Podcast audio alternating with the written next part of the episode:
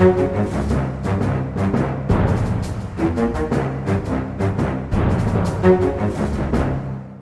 da kjører vi i gang med en ny episode av Aftenpodden USA. Og du er som vanlig på plass i Oslo, Kristina Pletten. Du har tatt deg fri fra ferie for å spille pod i en sånn god, lang Aftenpodden-tradisjon. Hvordan føles det? Jo, nei, altså jeg har jo påskeferie her på hjemmekontoret i eh, leiligheten min. Ja. Så det føles vel omtrent sånn som alle andre dager har føles det siste året. Men det er deilig å ha fri, da. Det er påfallende likt som arbeidsdager. ja. Og jeg er da USA-korrespondent Øystein Langberg, og jeg har vært på mer interessante ferder da, siden sist, får vi si, enn å være hjemme. For jeg har vært på skikkelig reportasjetur igjen. Kjørt ti timer fra New York til det som ifølge innbyggerne der i hvert fall kalles Amerikas Sveits. Og da kan jo dere tenke på hvor det kan være, alle lyttere. Du vet hvor jeg har vært, Kristina, men det var altså i vi har trommevirvel. West Virginia er det jeg har vært i. Eh, Jeg har aldri hørt Amerika-Sveits før jeg dro dit. Jeg tror ikke det er sånn ekstremt innarbeida begrep. Du har vært der mange ganger, Kristina, og så føler du at Sveits er et bra bilde på West Virginia? Nei. det er veldig korte svaret. Kanskje Colorado eller noe sånt hadde vært mer eh, Der har du jo liksom Aspen og litt sånn der. Eh, Men West Ja. Virginia er vel omtrent så langt fra Sveits som jeg kan tenke meg. Ikke har de høye fjell heller, egentlig. Det er bare masse sånne åskammer, liksom. Så Ja, og jeg tror det er der de har det fra. da. De har åskammer, og så har de som har funnet på Amerika og Sveits, kanskje ikke vært i Sveits. Og så tenker de at det holder med noen åser og noen daler, og da er det, er det Sveits. Det er jo mer Sveits enn enn Delaware, da, eller, eller Maryland og de statene som ligger ved siden av. Så det er kanskje det de Hvis du sammenligner seg med de, så er det jo litt Sveits. selv om eh, Kanskje. Delaware nok ligner mer på Sveits fordi det også er et skatteparadis. Men eh, vi skal ikke gå Ja, der. det er sant. Nei, vi skal ikke gå der. Nei, vi har i hvert fall farta rundt, jeg og vår altfor unge fotograf Nora Savosning, får jeg si. For jeg drev og spilte Country Roads for henne på, på høyttaleranlegget, som jo er sånn Hun har tydeligvis ikke vært på nachspiel på NHH, da, for da hadde hun hørt den sangen før. Hun påstod at hun aldri hadde hørt den før. Eh, Men den starter jo altså med Almost Heaven, West Virginia, og er faktisk en av fire sånn offisielle statssanger for, for West Virginia. Har du hørt den før, Kristina? Absolutt. Det har jeg. Opptil flere ganger. Men så er det heller ingen som kaller meg for altfor ung eh, lenger. nei. Nei, nei. Men ja, vi skal snakke litt mer om, om West Virginia i denne episoden. Både litt om de utfordringene staten har, og det som faktisk har gått ganske bra i staten denne våren, og som var grunnen til at jeg dro dit. Men først så tenkte jeg vi kan bare si kort litt om hva som har skjedd siden sist. Det er jo sånn at eh, George Floyd-rettssaken er i gang, etter at eh, partene har brukt ukevis på å velge en jury, og hele USA følger med på denne rettssaken, og det skal vi også, tenker jeg, gjøre i ukene fremover, frem til dommen faller. Og I tillegg er det innført en ny lov i Georgia som innskrenker stemmeretten der. Den har blitt kraftig kritisert av Joe Biden og demokratene, som frykter at det vil gå utover muligheten for demokrater til å stemme ved senere valg. Og I tillegg så har Biden hatt sin første pressekonferanse siden han ble president. Han sier bl.a. at han stiller til valg igjen i 2024. Han hevder i hvert fall det. Han kan kanskje ikke si noe annet. Og så har han hevet målet om 100 millioner vaksinedoser på 100 dager til 200 millioner vaksinedoser på 100 dager. Og jeg bare tenker bare sånn, Det siste er jo veldig interessant, for Trump var jo veldig på den Han lovte veldig mye, og så klarte han ikke å levere. Mens Biden Alle trodde Biden kom til å levere 100 doser på 100 dager. Det var ganske tydelig helt fra han tok over. Uh, nå har han underpromised and overdelivered, som er en ganske annen strategi enn det Trump drev på med. Ja, jeg så på den pressekonferansen, og jeg syns det var eh, interessant å se dekningen etterpå. For det at eh, du ser mange av disse her eh, litt sånn eh, ekstreme høyrebloggene og sånn, de er bare opptatt av at Biden tabbet seg ut, og at han virker usammenhengende, at han eh, liksom er senil, osv. Men når du ser det, så er det jo bare en måte for Biden å snakke på. ikke sant? Det at han, han stopper seg sjøl midt i et resonnement, f.eks. Sier han 'Å, har jeg sagt for mye? Er dette for detaljert?' Nei, vi stopper her, liksom. Så eh, jeg ja. tenker at, han, at den pressekonferansen egentlig var ganske eh, to the point og, og bra, selv om det var jo ikke noe det kom ikke noen store nyheter ut av det, men jeg syns han gjorde en ganske god figur. altså. Jeg må si at, eh, som vi har snakket om flere ganger, at eh, jeg syns Biden så langt overrasker veldig positivt.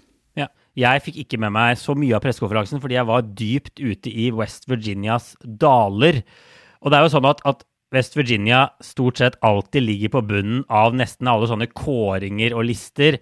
Kanskje ikke alltid helt på bunnen, men veldig nær bunnen når det gjelder altså, f.eks. innbyggernes helse, utdanningsnivå, infrastruktur. En grunn til at jeg ikke fikk meg pressekonferansen, er jo fordi det er jo knapt mobildekning i store deler av den, den delstaten.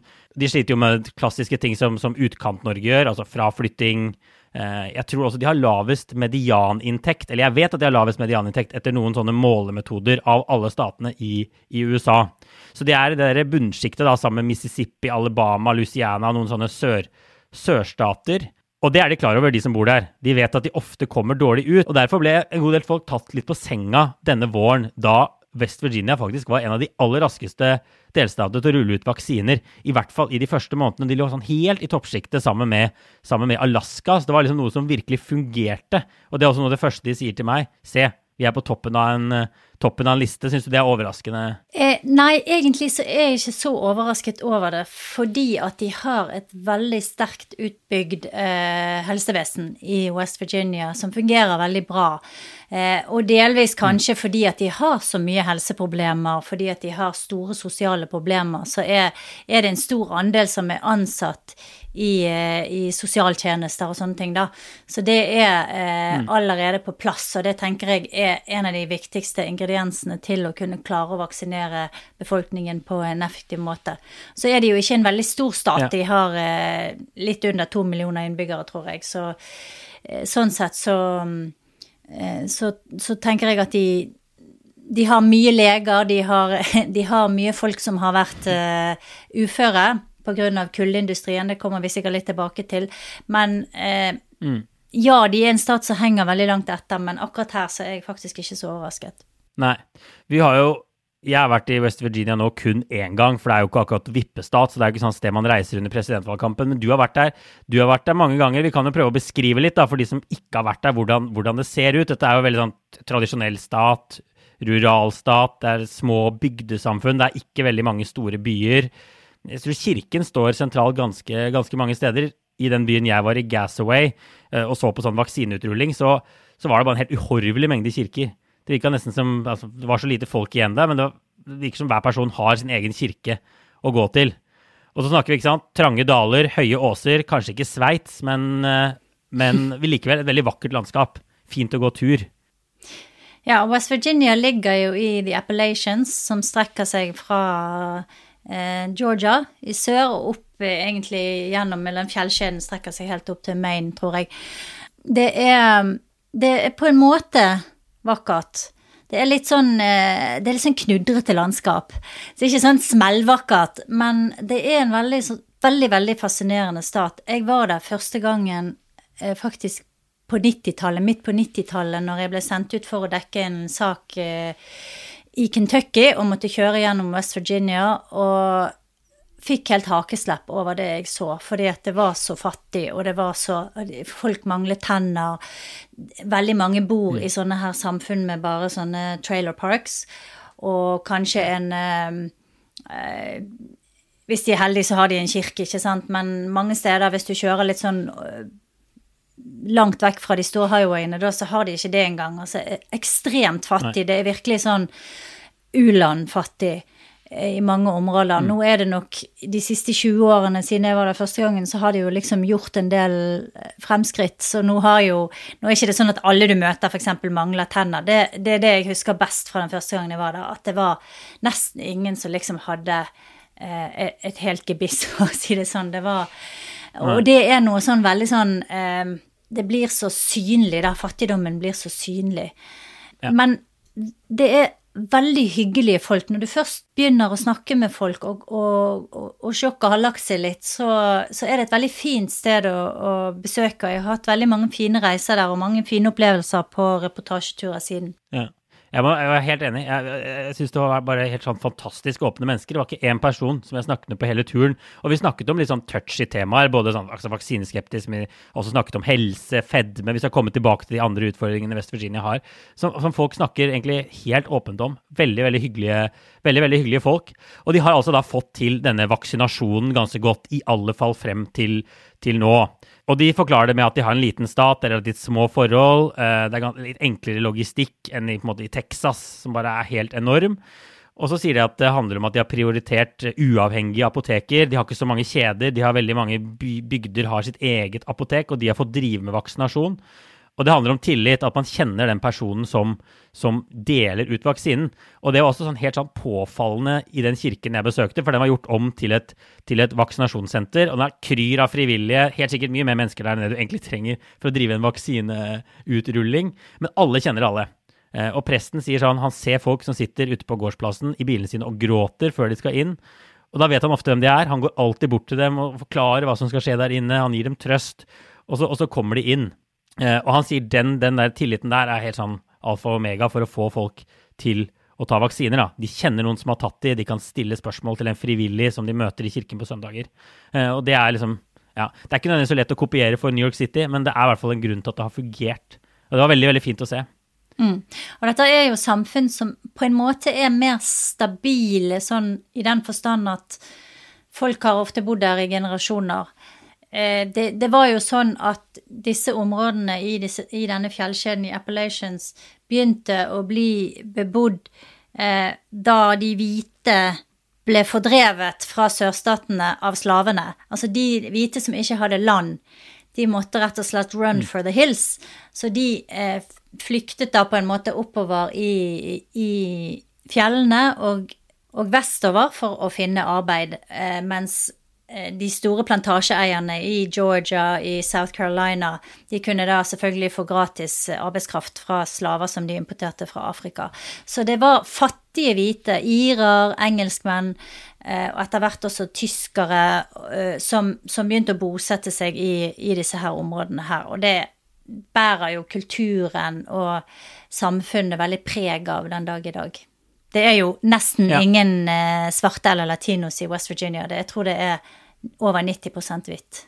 Det er, ja, Jeg så heller ikke veldig mange, mange svarte latinos der. Og det er jo sånn at, vi kan bare ta det, eh, West Virginia heter West Virginia. Det er jo ikke noe East eller South Virginia, eller sånn som det er for North og South Dakota, men de løser det seg altså fra Virginia i, under borgerkrigen. Fordi eh, Virginia jo kjempet, kjempet med slavestatene eh, og sørstatene, mm. mens West Virginia eh, de eh, slo seg sammen med nordstatene og brøt ut. Og Det var jo ikke mange stater som splitta på den måten, men det er altså grunnen til at det heter West Virginia og, og Virginia. Men du, vi kan, eh, vi kan, snakke litt om altså, Hovedårsaken til at jeg dro dit, var fordi eh, jeg ville komme litt dypere inn i dette med vaksineskepsis. Fordi West Virginia har kommet veldig langt med vaksineutrulingen sin. Det er en veldig republikansk stat, en veldig rural stat. Og da er tanken, uh, tanken min og hypotesen min at dette er de statene man vil se omfanget av vaksineskepsisen i USA først. Fordi hvis det er noe meningsmålingene viser, så er det nå at republikanere, og særlig republikanske menn, det er de aller, aller største vaksineskeptikerne. Det har vært veldig mye fokus på minoriteter, svarte latinoer, som har en veldig sånn broket historie med, med, amerikanske, med amerikanske, myndigheter og, og, eksperimenter tilbake i historien, som gjør at mange er sånn naturlig skeptiske til alt som kommer fra myndighetene av, av medisinsk testing og utforsking og sånn. Men den, den, skepsisen blant minoriteter ser ut til å være litt mykere, de kan overbevises. Mens når man ser på skepsisen blant republikanere, så ser den ut til å være mye hardere. I spørreundersøkelser er det mange flere som sier blankt nei, mens veldig mange minoriteter har en sånn vente-og-se-holdning. Og det er altså sånn at i en sånn Maris-måling så sier 49% av republikanske menn at de ikke vil ta vaksinen. Mm. Og så er det litt færre blant, blant damer, da. Men hvis det er noe uh, West Virginia er full av, så er det jo republikanere. 70% stemte på Trump ved valget sist. Så, så, det jeg ville finne ut, var liksom hvor nære er de å møte på den veggen med, med vaksineskepsis. For den er jo veldig sånn skjult. Jeg snakket med en forsker som sier du ser den jo ikke så lenge folk, de som vil ta vaksinen, stiller seg i kø. Eh, men plutselig så dukker den opp når de er, har fått vaksinen, eh, og du må begynne å overbevise resten. Mm. Og så vet man ikke hvor mange resten er. Men i den kirken, da Nå har jo West Virginia åpnet for at alle over 16 kan få vaksinen og de hadde sendt ut en SMS, for de har ikke bra nok bredbånd her, men de hadde sendt en SMS til hele nabolaget om at nå kan alle bare komme og få drop-in-vaksine. Og likevel så var det ikke kø i det hele tatt. Det var masse ledige, ledige timer igjen på slutten av, av dagen. Ja. Og det mener de viser at det er i ferd med å bli metta, og det er blitt metta altfor tidlig. Mm. Flokkimmunitet går rundt 70% og du er jo ikke i nærheten av de nivåene ennå i West Virginia, så det er litt sånn bekymringsfullt. Mm. Jeg eh, Faktisk eh, skrev jeg en kommentar eh, i forrige uke om Israel, der noe av den samlede problematikken nå var til stede, at de har flere vaksiner enn de har armer å, å sette vaksinen i, da. Og de hadde skrudd litt på vaksinestrategien strategien sin, sånn at de hadde sluttet å ha i hvert fall delvis da, så hadde de eh, sluttet å ha sånne, bare sånne store sentre, idrettshaller, kirker, skoler og sånne ting.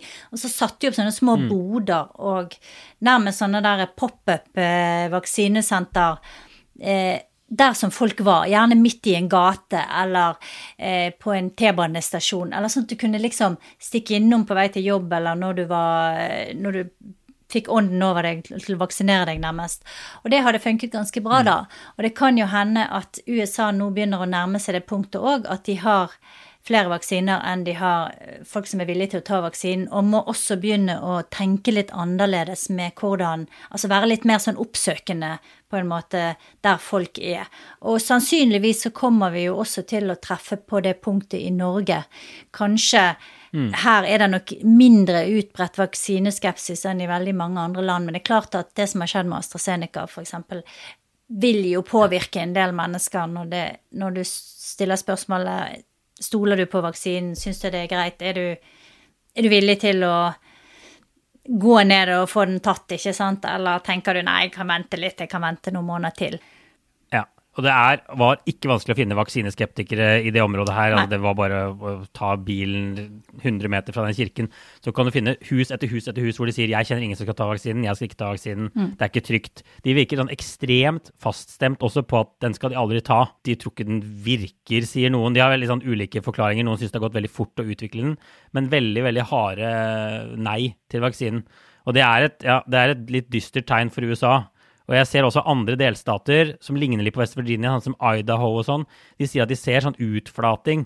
Nå kan de jo f.eks. se på de folk over 60 f.eks. har kunnet ha vaksinen veldig lenge. Mm. Eh, og nå ser de at det flater ut på altfor sånn tidlige nivåer, da. Altså altfor lavt, på sånn 50% har fått den bare, og så er det ingen flere som vil ha den. Så man man snakker litt om sånne vaksineørkener, hvor man risikerer at det er rett og slett eh, store deler av USA, da, eller store områder i USA, hvor det bare ikke er noen immunitet. Og du kan få store utbrudd mm. fortsatt. Men nå er det jo sånn at uh, når det har gått en stund, da, og folk har tatt uh, disse vaksinene uten at de har fått alvorlige bivirkninger, og de kan kanskje begynne å gjøre ting som å ta fly og, og, og reise, og, mm. som folk uten vaksine ikke kan gjøre, så vil jo det kanskje snu litt igjen. Og spesielt hvis da USA får denne ordningen som de har allerede i Israel med vaksinepass. Eh, I Israel så får du en liten app på telefonen som du kan vise frem, og så kan du slippe inn på treningssenter eller på en konsert eller sånne ting. Så det er nok fortsatt mange ting amerikanerne og resten av verden kan gjøre for å lokke folk til å ta vaksine, da, tror jeg. Så ja. jeg tror ikke dette er en statisk greie, ikke sant. Det vil endre seg hele tiden. Ja, det tror jeg er helt sant. Han helseprofessoren fra West Virginia som jeg, som jeg snakka med, han sier at det er så mye de ikke vet. Vi skjønner ikke helt vaksineskepsis ennå, men man vil helt sikkert lære ekstremt mye mer nå som man er over den fasen hvor alle som vil alle de som vil ha den på dagen, har fått den. Mm. Man må begynne å overbevise i hvert fall de myke skeptikerne mer. da. Så vil man helt sikkert lære, lære mer. Uh, hun ene legen snakket om at de må for være på sånn emergency room. Mange folk har ikke en doktor engang. De har ikke mm. blitt ringt og bedt om å ta vaksinen. Og der må de gi folk informasjon når de kommer inn der. Det er det eneste stedet de har kontakt med helsesystemet, er på en måte på, på legevakta da, eller på akutten, mm. f.eks. Og, og han, Professoren snakker også om at det hjelper ikke å bombardere folk med fakta. Man må snakke om sånne ting som at du må beskytte familien din. Man må bruke mer sånn emosjonelle begrunnelser. Det er sånn flyskrekk, på en måte. Det, ikke, det gir ikke nødvendigvis rasjonelt mening. Mm. Så, men, men, han, ja, han het Christopher Martin. Han var veldig ærlig på at det er veldig, veldig, man vet veldig lite om det ennå. Og man må bare prøve å feile. Mm. Og noen vil jo ha Trump på banen. Det er det folk som tar til orde for. da. De vil sende Trump ut på sånn turné, samle det til folkemøter. Han kan skryte av vaksinen han utviklet. Dette er det lederskribent i New York Times som har skrevet, blant annet, så det er ikke noen høyrefolk. Og som sier at det er nøkkelen her. Eh, at Donald Trump sier du må ta vaksinen. Jeg har tatt den. Det er trygt. Tror du det er en god idé? Altså, hvis det ever var et wildcard, så måtte det være liksom å sende Donald Trump ut som sånn folkeopplyser. Fytti grisen. Nei. Det er en helt ufattelig dårlig idé rett og slett. Ja, og det, faktisk, det var interessant. Jeg spurte de jeg snakka med rundt, rundt denne, dette lokalsamfunnet, og, og, og, dette er mange av Trump-velgere og sånn. Alle sa sånn Nei, altså, Trump er en idiot. Jeg stemte på han, han var bedre enn Biden. Jeg hører ikke på han når det gjelder vaksiner. Det har ingenting å si hva Trump sier. Så det er jo et tegn på Og det er flere som sier at det har antakeligvis ikke så veldig mye å si hva Trump sier, eller politikere sier. Kanskje er det legen din mm. som har mest gjennomslagskraft, eller moren din, eller bestemoren din, eller noe sånt. Men det blir kjempeinteressant å se USA ligger litt foran Norge. Norge kan helt sikkert lære ganske mye av det som nå skjer i USA og Israel og disse, disse andre landene. Mm. Men vi får snakke litt om de andre utfordringene eh, West Virginia har også. Jeg var der bl.a. for å skrive en sak om, om fedme eh, og overvekt, for det er jo noe av det West Virginia virkelig sliter med. Det er en av de statene i USA den, på den siste målingen jeg så, den, den staten med nest størst fedmeproblem i USA. Og noen av byene i West Virginia har liksom flest overvektige i, i hele landet. Og hvorfor det har blitt sånn? Noen forklarer det litt med historie. Vi nevnte at det har vært et gruvesamfunn, samfunn hvor folk drev med ekstremt tungt kroppsarbeid. Utviklet sånn matkultur hvor du bare måtte ha en utrolig mye energi inn i kroppen. Og så har disse jobbene forsvunnet, og så er matkulturen forblitt den samme, og så, og så går det som det går, da. Bare et lite apropos når det gjelder fedme. Jeg var i West Virginia for en god del år siden, kanskje 10-15 år siden, og da var jeg nettopp i en kirke. En sånn slankeklubb som møttes i en kirke. Og det var Altså, de var så svære, de folkene som var med i den slankeklubben. De var helt enorme. Og de fortalte at de sto opp om natten og spiste, og det var liksom ja, Det var veldig sånn hjerteskjærende, da, for de var jo sånn fanget i disse her eh, svære kroppene og var veldig syke, og noen av de kunne ikke gå.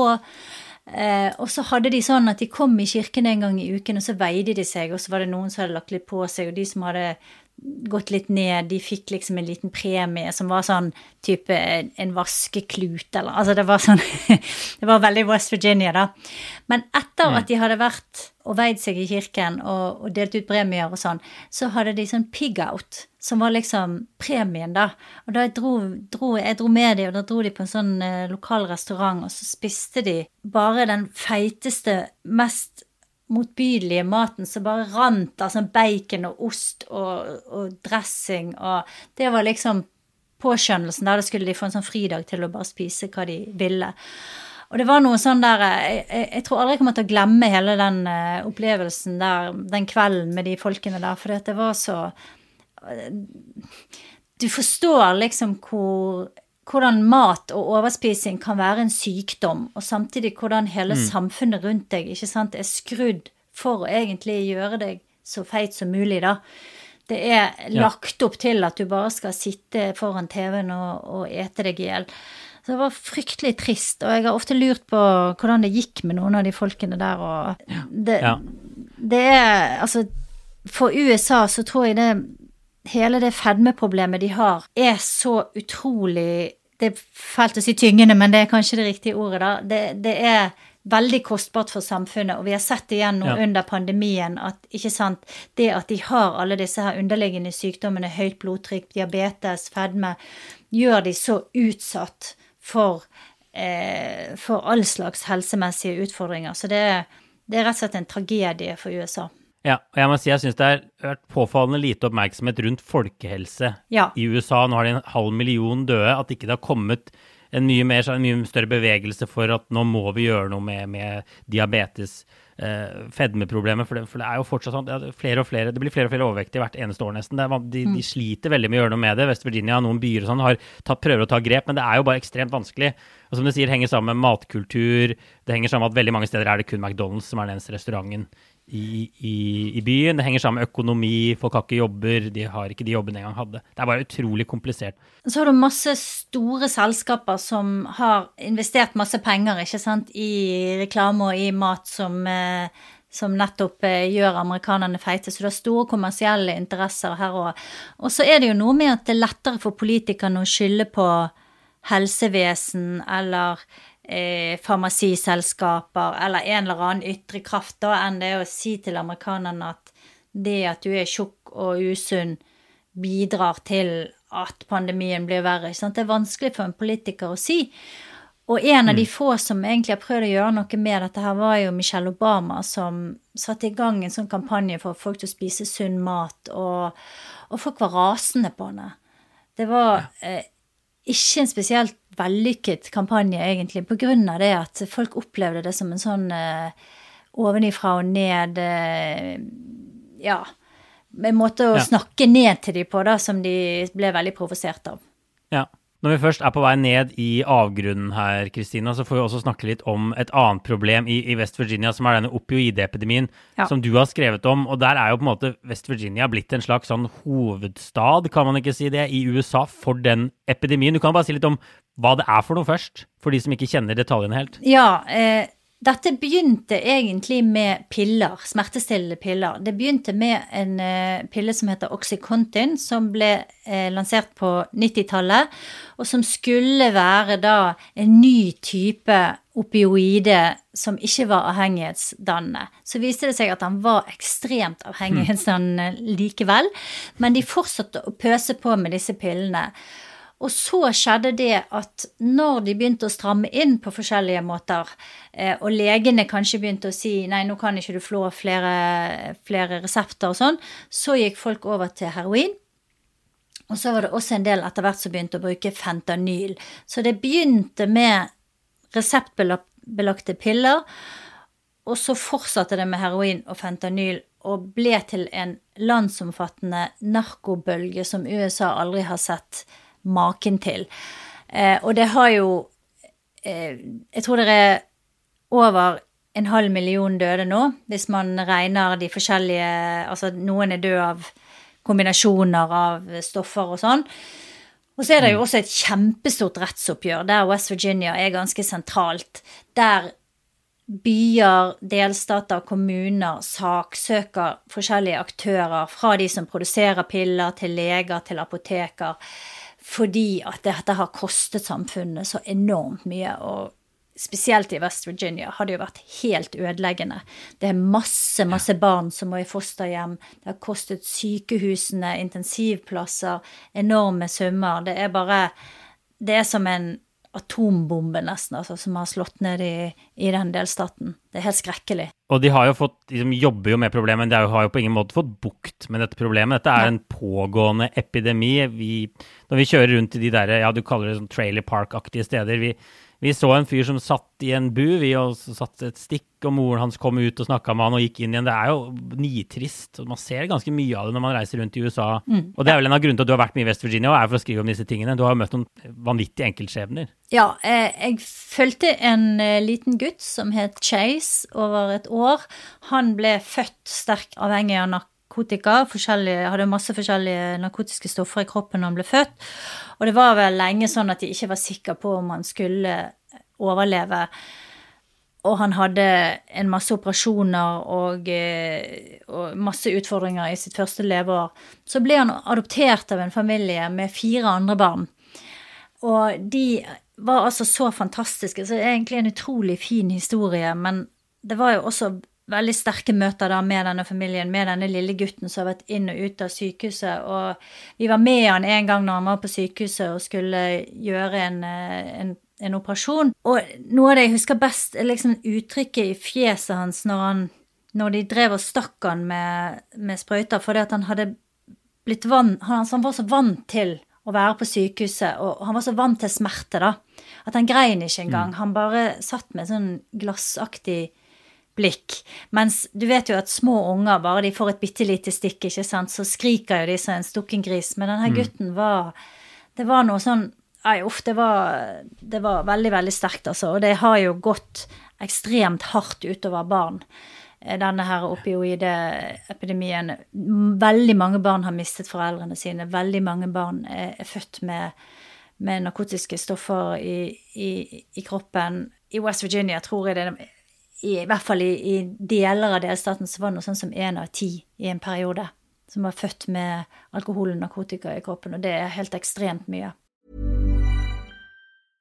Hey, I'm Ryan Reynolds. At Mint Mobile, we like to do the opposite of what Big Wireless does. They charge you a lot, we charge you a little. So naturally, when they announced they'd be raising their prices due to inflation, we decided to deflate our prices due to not hating you. That's right. We're cutting the price of Mint Unlimited from $30 a month to just $15 a month. Give it a try at mintmobile.com slash switch. $45 up front for three months plus taxes and fees. Promote for new customers for limited time. Unlimited more than 40 gigabytes per month. Slows. Full terms at mintmobile.com. Ja. Altså, West Virginia er jo på, på, noen måter et symbol på mye av det som er galt med USA. Det er mye bra med USA, men det er også mye, mye, mye galt når vi liksom oppsummerer alt det her da vi opplever på disse turene. ikke sant? Helseproblemer, opioidproblemer, infrastruktur, masse folk som ikke har internett, bredbånd i det hele tatt. Det er i hvert fall ganske lav tillit til sentrale myndigheter, og at de kan løse noe. Er det noe vei ut for en stat som det her? Er det noe, er det noe man kan gjøre? Ai, uff, det, jeg skulle ønske jeg kunne si noe litt sånn positivt, men akkurat når det gjelder West Virginia, så vet jeg ikke. De har de har liksom fått slag etter slag. ikke sant? Først forsvant mye av den kullindustrien. Så begynte folk å flytte ut. De flyttet nordover til, eh, til Ohio, Michigan, for å få seg jobb i bilindustrien. Så gikk den til, til helvete. Og så ja. Hvis det er lov å si. Og så kom denne her narkobølgen. Så de har liksom bare De har liksom blitt slått i bakken gang på gang på gang. Så jeg ser ikke helt ja hvordan den staten skal komme seg ut av det, av det hølet de er i, da. Det, det, er veldig sånn Det er litt deprimerende å være der, det er det, og det, det er de, de, vil jo fortsatt ikke sant, blåse liv i denne kullindustrien igjen. Og det gjør jo også at de lever i en sånn forestilling om at en dag så kan, kan de gode gamle dagene komme tilbake, men det skjer jo ikke. Og før man begynner mm. å omstille seg, da, så vil jo de bare synke lenger ned i, i myren, på en måte. Det var litt eh, Det var ikke så veldig oppløftende. Nei, det er, det, er, nei det, er litt, det er, litt, dystert. En enorme utfordringer. Utfordringer veldig få europeiske land egentlig har, altså, som, som er bare helt ukjent for mange nordmenn. Når man snakker om liksom fraflytting og steder som sliter i Norge, så er det bare en helt annen skala her. Og det var et sted hvor, hvor Donald Trumps budskap om, om tilbake til, til storhetstiden selvfølgelig fungerte, fungerte, kjempegodt. Men det som er litt interessant i West Virginia, er jo at dette, blitt, dette var en demokratisk stat. De stemte på Clinton, tror jeg, siste demokrat for president i, mm. i 1996. Og så har det vært republikanere siden. Så de har svingt kraftig over da, til republikansk side. Men de har noen sånne demokratiske gjen, altså etterhengere. De har hatt demokratiske guvernører en stund. Han som er guvernør nå, som for øvrig er en dytter vaksiner knallhardt på, på folket sitt. Og, virker egentlig som han har håndtert denne pandemien ganske kompetent. Han var demokrat, men switcha parti til republikansk. Han sier at han klarer ikke å overleve som demokrat. Og så har de jo en av de aller mest kjente senatorene og mektigste senatorene for øyeblikket. Mm. Han er jo fra West Virginia og er demokrat og heter, heter Joe Manchin. Og han var jo f.eks. helt sentral for å få den redningspakka til Biden igjennom. Hvis Biden ikke hadde fått med seg Joe Manchin, så hadde han ikke fått den redningspakka gjennom heller. Han er liksom stemme nummer 50 av 100 i, ja. i Senatet.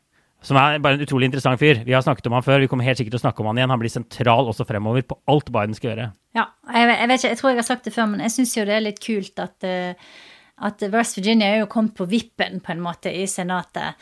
Og har derfor plutselig fått uh, masse makt, altså denne bakevjen av en stat, med alle sine problemer og alle sine traumer, har uh, plutselig fingeren på vektskål. Og det er egentlig litt, litt kult. så det blir gøy å følge med Manchin og se hvordan han eh, skal forvalte denne nye maktposisjonen han har fått, da. Ja, ja, ja. Man må helt klart forstå den indre dynamikken i West Virginia. Fint for folk som har hørt denne episoden her, for å forstå også hvordan Biden må, må balansere for å få gjennom disse pakkene sine. F.eks. klima, kull. Kjempeviktig. Jeg var i den hjembyen mm. der Manchin er fra. Kjørte ti minutter, svær kullgruve, aktiv kullgruve, hvor de jobber. Sønnene til de jeg snakka med der, jobber der fortsatt. Det er folk som er ansatt i disse tingene. Da er det vanskelig å få med Joe Manchin på å legge ned kullindustrien i USA. Eh, eller gjøre noe ordentlig dramatisk, dramatisk der. da, opp Samme våpenrettigheter er han opptatt av. Så vi får bare se. Jeg tror det var en veldig sånn, kjent video var Joe Manchin. Jeg tror han tok jeg vet ikke om det var gevær eller revolver eller hva det var, og skjøt hull i Obamas klimaplan på en sånn valgkampvideo. Så, så han, kan, han, han, må jo bare prøve å, å, å, tilfredsstille masse republikanere hvis han skal ha noen sjanse til å bli gjenvalgt, og driver en veldig vanskelig manøvrering. Som jo også er en hodepine for alle demokrater. Men det er jo en delstat som også er vanskelig for republikanerne å få helt grep på, fordi at fagforeningene står sterkt, fordi at du har masse folk som er på avhengig av social security og avhengig av statlig støtte. Så det er mm. ikke noen sånn uh, easy win for uh, republikanerne heller, dette her. Dette er en uh, egentlig en sånn gjenlevning fra, fra 50-60-tallet der demokratene ikke sant, var ganske konservativt sosialt, men opptatt av fagforeninger, eh, ja. velferdsstat osv. guvernøren i West Virginia, han, eh, det, republikaneren, går ganske langt i å være for f.eks. den hjelpepakka som Biden og demokratene fikk gjennom. Så man kan se for seg at egentlig vil være ganske populær. Samme med mm. infrastruktur. Bygge ut bredbånd i distriktene, som er en helt sånn sentral del av den infrastrukturpakka som Biden skal legge fram nå. Sikkert ganske populært i West Virginia. Ja, og de er jo egentlig en stat som ikke er kjempelangt fra Washington DC. Så du kan jo nå deler av West Virginia tror jeg, med innen halvannen times kjøring fra DC, da. Så man kan jo se for seg at det er et slags, eh, en slags opportunity der for eh, folk som kan eh, få seg en liten hytte på fjellet i West Virginia, og kanskje jobbe to dager i, i uken i Washington DC og sånn. Så hvem vet, kanskje det, kanskje det neste Hafjell eller Geilo eller noe sånt. De må selge inn som Sveits, selvfølgelig. Det er det de må gjøre. Eller Sveits, ja. Du bor i DC, ja. har hytte i Sveits, to timer med bil. Ok, vi får ta en runde med obligatorisk refleksjon helt til slutt. Kristina, hva har du tenkt på siden forrige uke? Jeg har tenkt på denne uken denne opioidepidemien, og spesifikt på en serie artikler som faktisk vant Pulitzer-pris i USA, som ble gjort av en lokal reporter i West Virginia som heter Eric Air han begynte med å se på hvor mange piller som faktisk ble sendt til de forskjellige apotekene i disse her småbyene, og fant ut at det kan umulig være så mange pasienter at de kan selge liksom millioner og milliarder av piller. Det er en veldig god serie, og det er også litt sånn oppmuntrende at lokale journalister kan drive frem en sak på den måten som han har gjort, da. Så det er også sånn journalistisk veldig interessant. Så det er absolutt å anbefale hvis folk har lyst til å dykke litt ned i, i West Virginia sine problemer, så, så anbefaler jeg den eh, lille artikkelserien hans. Vi kan legge ut en lenke. Ja. For de som vil gå enda lenger ned i smørja enn det her, så er det en mm. vi, legger, vi legger ut en lenke sånn som vi pleier i uh, ingressen til, til poden. Og, og, så kan vi jo også, jeg tror vi har anbefalt den før, men vi kan jo også anbefale den boken som heter Hillbilly Elegy, som også er blitt en serie på Netflix, som også handler om West Virginia og hele den problematikken. Ja, hillbillies er jo de som bor oppe i disse fjellene i Appalachia. Så ja.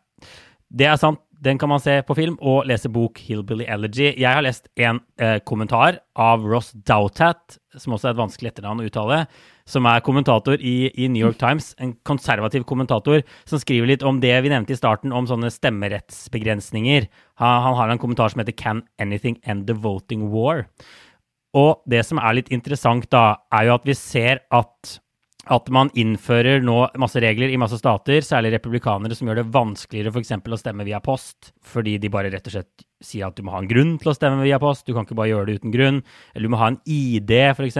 Mye strengere krav til identifikasjon. Mange amerikanere har ikke førerkort eller pass, så da sliter de med det. Men det som er litt interessant, da, som han skriver om Han har sett på forskning som går inn og ser på effekten av disse tingene man gjør, altså å utvide posttilgang altså gjøre det strengere krav til f.eks. identifikasjon. Og det som er litt interessant, er at bl.a. en paper, en artikkel som ble laget etter valget nå i 2020, finner ingen effekt i de statene hvor man har utvidet tilgangen til poststemmer, versus de statene hvor man hadde de samme reglene som før. Man ser like stor eh, økning i hvor mange som gikk og stemte, og det er heller ingen forskyvning mellom demokrater og republikanere. Og han viser også til en annen artikkel som ser på det med ID-lover, som sier at det er heller ingen effekt. Det er ikke sånn at minoriteter, da, som ofte blir rammet når, det, når man øker disse ID-kravene, det er ingen effekt hvor man ser at de i mindre grad får stemt etter at sånne lover er innført. Som også er litt interessant. Snarere tvert imot. Det har en sånn mobiliserende effekt, er det antydning til, hvor flere svarte gikk og stemte i de statene som gjorde de endringene. Så jeg tror ikke han, han sier definitivt ikke at dette ikke betyr noen ting, men han sier at det trenger ikke, måtte ikke være helt døden for demokratene, det som skjer i Georgia nå. Det er fortsatt mulig å vinne den, vinne den staten. Uh, og disse forskerne sier også at hovedgrunnen til at valgdeltakelsen gikk så kraftig opp ved valget i 2020, var bare mye større interesse blant velgerne. Og det var det i stater både med og uten poststemmer. Så jeg tror hans poeng er egentlig at ja da, man skal fokusere på de tingene, men man må også fokusere litt på det store bildet. da. Det handler egentlig for demokratene om å vinne valg med enda større margin enn de gjorde i år. At det er der de må legge inn legge inn støtet. Og så er det kanskje andre ting som betyr noe, da. Når man tegner om sånne valgdistrikter, sånn såkalt gerrymandering, åpenbart har det en effekt. Mm. Og hele valgmannskollegiet er åpenbart et kjempeproblem for demokratene. De får sju millioner flere stemmer enn uh, Trump, og likevel så blir det så sjukt jevnt som det ble i år. Så det er på en måte der slaget står, da mener han mer enn på disse, denne flikkingen i, i hjørnene, som ikke nødvendigvis er så ille, da, som, som, som det hevdes. Men tror du at bør det være litt vanskelig å stemme? Altså bør det være en effort på en måte, og ikke bare noe at man kan sitte hjemme og trykke på mobilen på en knapp? Kan det, kan det bli for lett sånn at, at folk ikke tar alvorlig nok?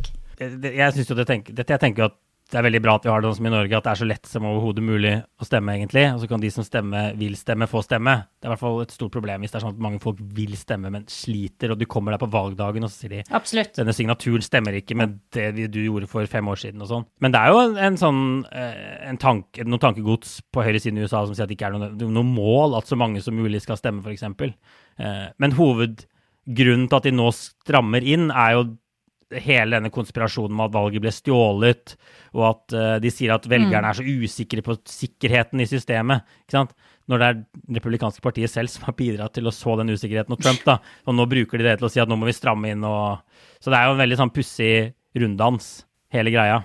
Men det er ikke sikkert det er, det er, ikke sikkert det er døden for demokratene i Georgia, selv om de gjør de tingene her. Du ser hvordan, uh, hvordan Georgia-demokraten nå skaper masse oppmerksomhet og sier nå stjeler de stemmeretten din. Godt hende de kommer enda sterkere tilbake ved neste valg. Så det var litt, litt interessant med forskning.